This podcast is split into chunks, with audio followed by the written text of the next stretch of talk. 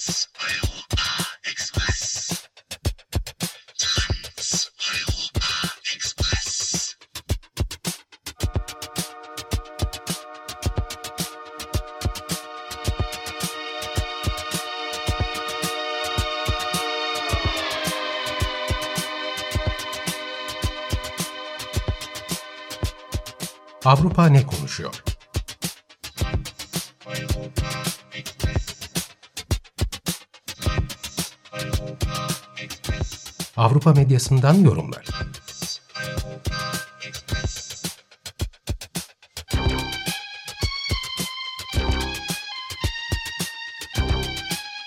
Hazırlayan ve sunan Tuğba Tekerek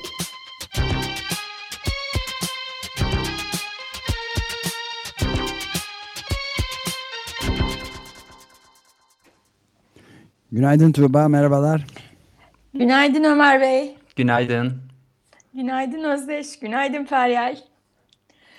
Ee, Döndük biz de tekrar görevimizin başındayız. Avrupa ya, takipte uzaktan da olsa takip etmeye de çalışıyordum. Ee, bu hafta neler konuşuyor Avrupa bakalım. Evet, e, e, hoş geldiniz Ömer Bey. Çok teşekkürler. E, bu hafta e, bu hafta neler konuşuyor?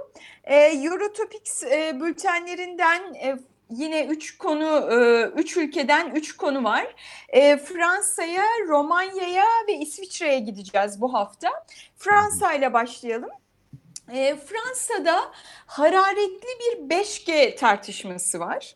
E, Salı gününden itibaren bu e, mobil iletişimde yeni nesil denilen 5G frekanslarının dağıtımı ile ilgili ihaleler başladı. Yani Fransa 5G sürecine geçiyor.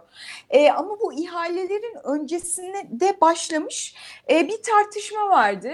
E, sol siyasetten e, ve özellikle de yeşillerden e, pek çok kişi 5G teknolojisinin e, tam olarak araştırılmamış olduğunu, e, insan sağlığı üzerinde, çevre üzerinde bir takım e, olumsuz etkileri olabileceğini, e, bunun tam olarak e, araştırılması gerektiği ve bu riskler eğer ciddi değilse bu teknolojiye geçilmesi gerektiğini söylüyorlardı.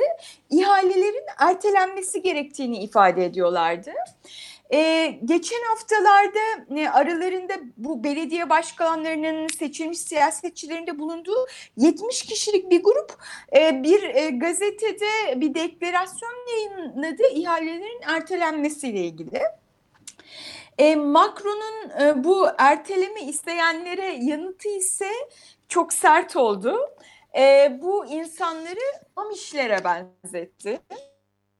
Ama biliyorsunuz Amerika'da işte teknolojinin nimetlerinden faydalanmayı reddeden ve son derece basit bir hayat süren bir grup. Ee, dedi ki Macron çağdaş zamanların problemlerinin karmaşıklığını gazlı lambaları dönerek çözemeyiz. Bu insanlar bunu istiyorlar ama bunu yapamayız dedi. E, Macron'un bu sözü de çok tepki çekti.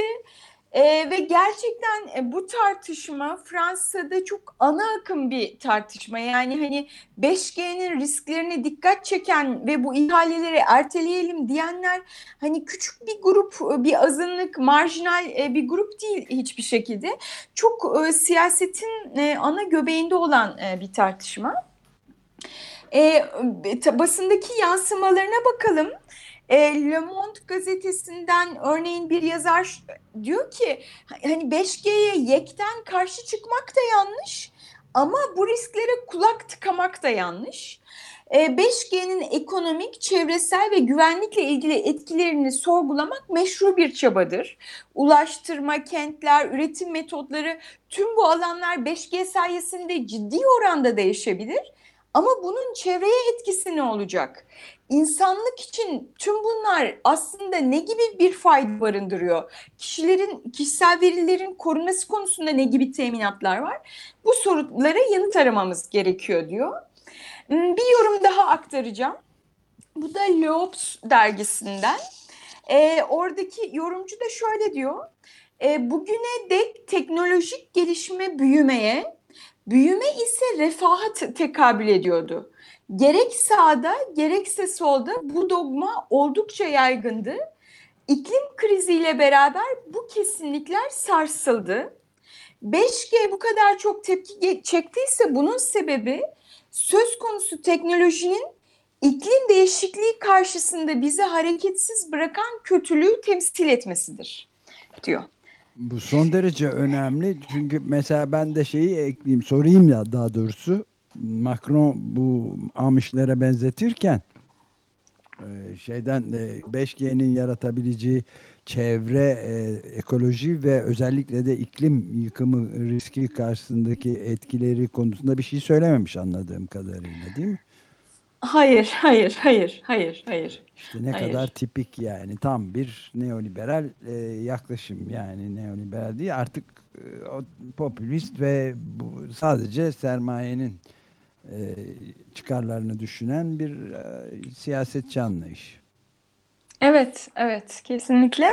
Ee, yani hani e, iklim kriziyle birlikte bunun tartışılıyor olması, yani iklim krizinin insanların e, her şey, işte bu son okuduğum yorum bence de çok önemli. Yani artık insanlar teknolojik gelişme iyidir e, bu şeyle davranmıyorlar ve bunu bize fark ettiren şey de iklim krizi oldu.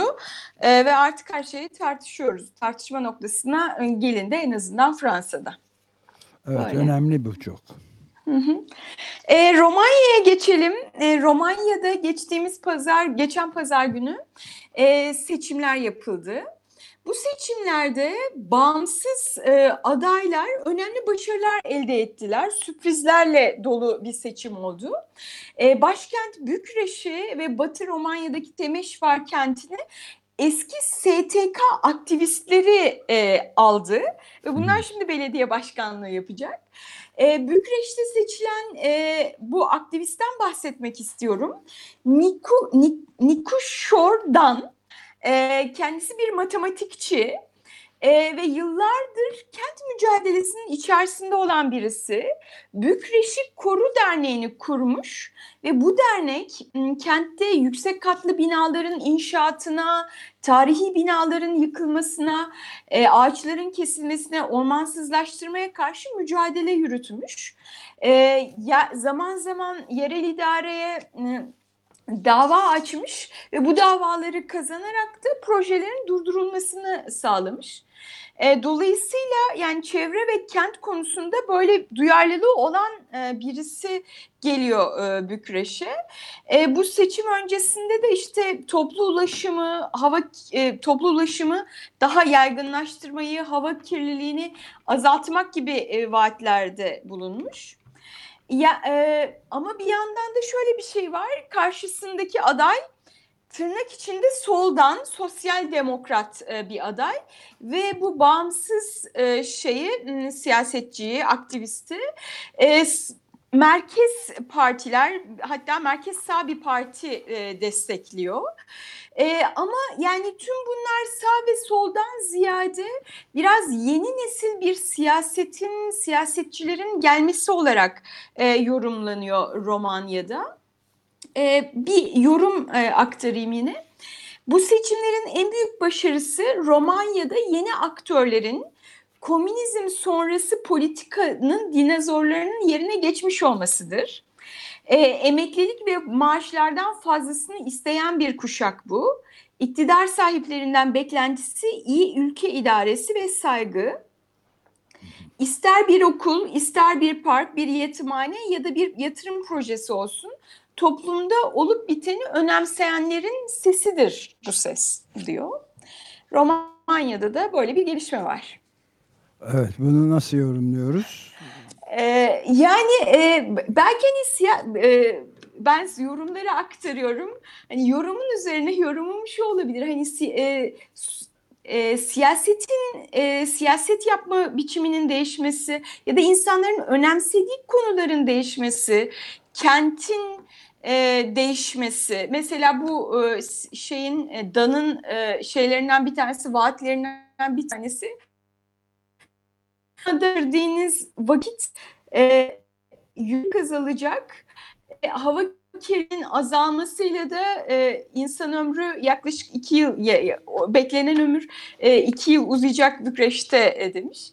Yani evet, insanların... yepyeni bir vista tabii yepyeni bir vizyonun e, da şeyleri görülüyor. Önemli. Evet. Bu da çok önemli bir bakış getiriyor yani.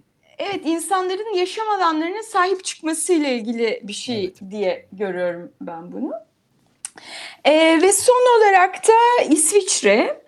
E, İsviçre'den e, üç referandum haberi var.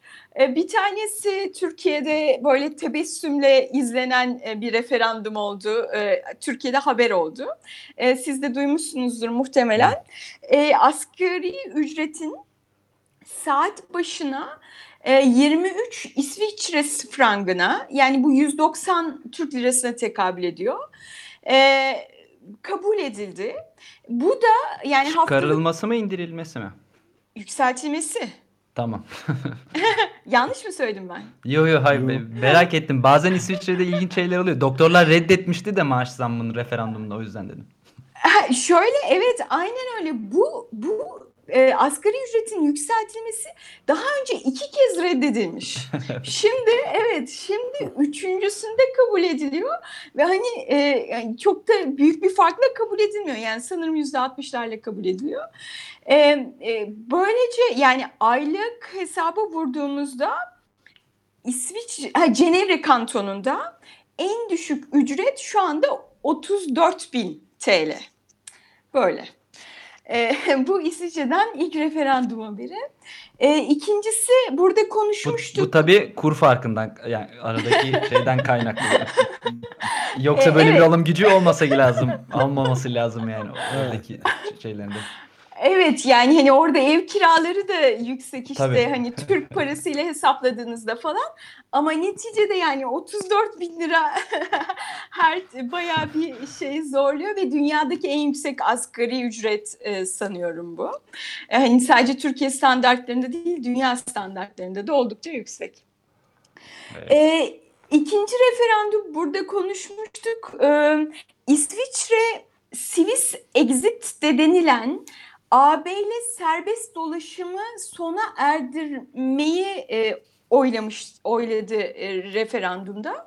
Yani İsviçre AB üyesi değil ama AB üyesi ülkelerle serbest ticareti var ve serbest dolaşım var e, ser, sağ popülist parti demişti ki biz artık bu serbest dolaşımı bitirmek istiyoruz. İşte İsviçre'ye gelecek kişiler için bir kota olsun. İşte kaç göçmenin geleceğine biz karar verelim e, e, demişti. Bu sağ popülist partinin AB ile e, biraz e, bağları kesmeye yönelik bu önerisi önerisiyle gelen referandum reddedildi. İkincisi de buydu. E, üçüncüsü de e, ilginç bir konusu bunun üzerinde durmak istiyorum. Babalık izniyle ilgili. Şimdi e, bu şeyin bu kadar yüksek olduğu, refahın bu kadar yüksek olduğu, işte asgari ücretin dünyadaki en yüksek asgari ücret olduğu ülke kadın erkek eşitliği açısından aslında bazı noktalarda son derece kötü performans gösteren bir ülke. Konuya girmeden önce şunu söyleyeyim. İsviçre kadınların oy hakkını 1971'de aldı ve evet. 1988'e kadar kocalarının izni olmadan dışarıda çalışamadıkları bir ülke. 1988 yani şunun şurasında 30 yıl öncesine kadar. E, ve bu ülkede de e, babalık izni kaç gündü tahmin edin şimdiye kadar? Bir ay. Bir hafta. Bir bir gündü. Bir gün. bir gün. Ev taşı ev taşıma izni için de bir gün veriyormuş devlet. E, yeter ee, baba... yeter. bir gün baksın bir erkek değil, değil mi? Evet, evet. Ee, Öyle şimdi, diyorlarmış demek. Şimdi e, şimdi e, şey oldu. işte referandum yapıldı ve kaç güne çıkartıldı? Bunu da ben söyleyeyim. 14 güne çıkartıldı. Ben gene yani bir hafta ilk... diyecektim ama. evet 14 güne çıkartıldı. Ben, ben de bir ay diyecektim. Demek ki neyse ortada bir yerde buluştuk. ee, bir İsviçre gazetesi diyor ki İsviçreli bir babaya bebeği için bir gün izin verilirken örneğin İsveçli bir baba için bu süre 420 gün, tekrar ediyorum 420 gün. E, bu İsviçreli babalar ve o çocukları açısından hiç adil değil.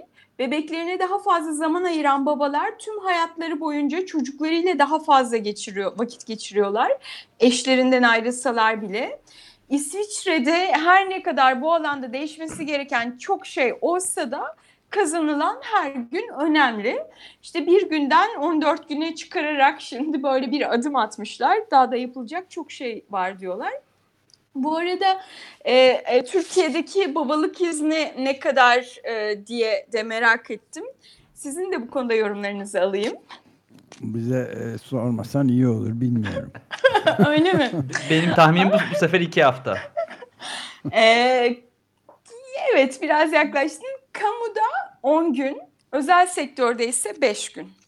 Yani o, o Türkiye'de de oldukça az aslında.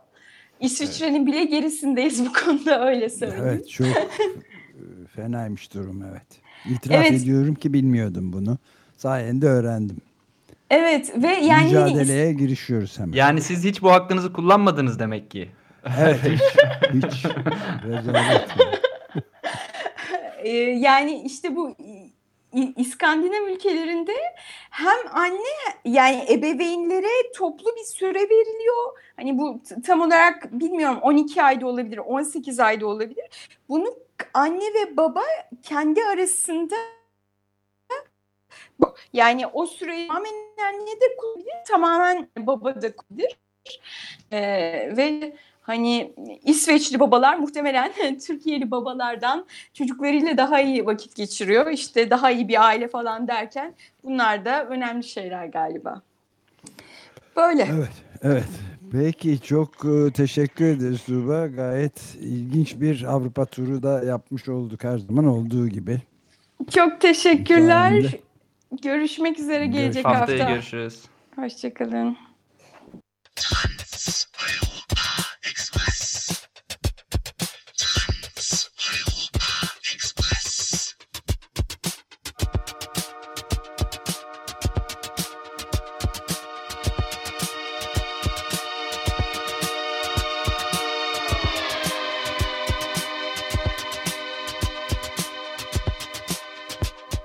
Avrupa ne konuşuyor?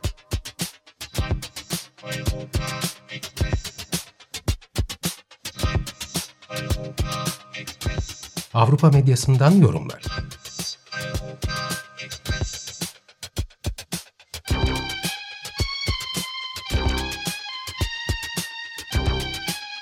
Hazırlayan ve sunan Tuğba Tekerek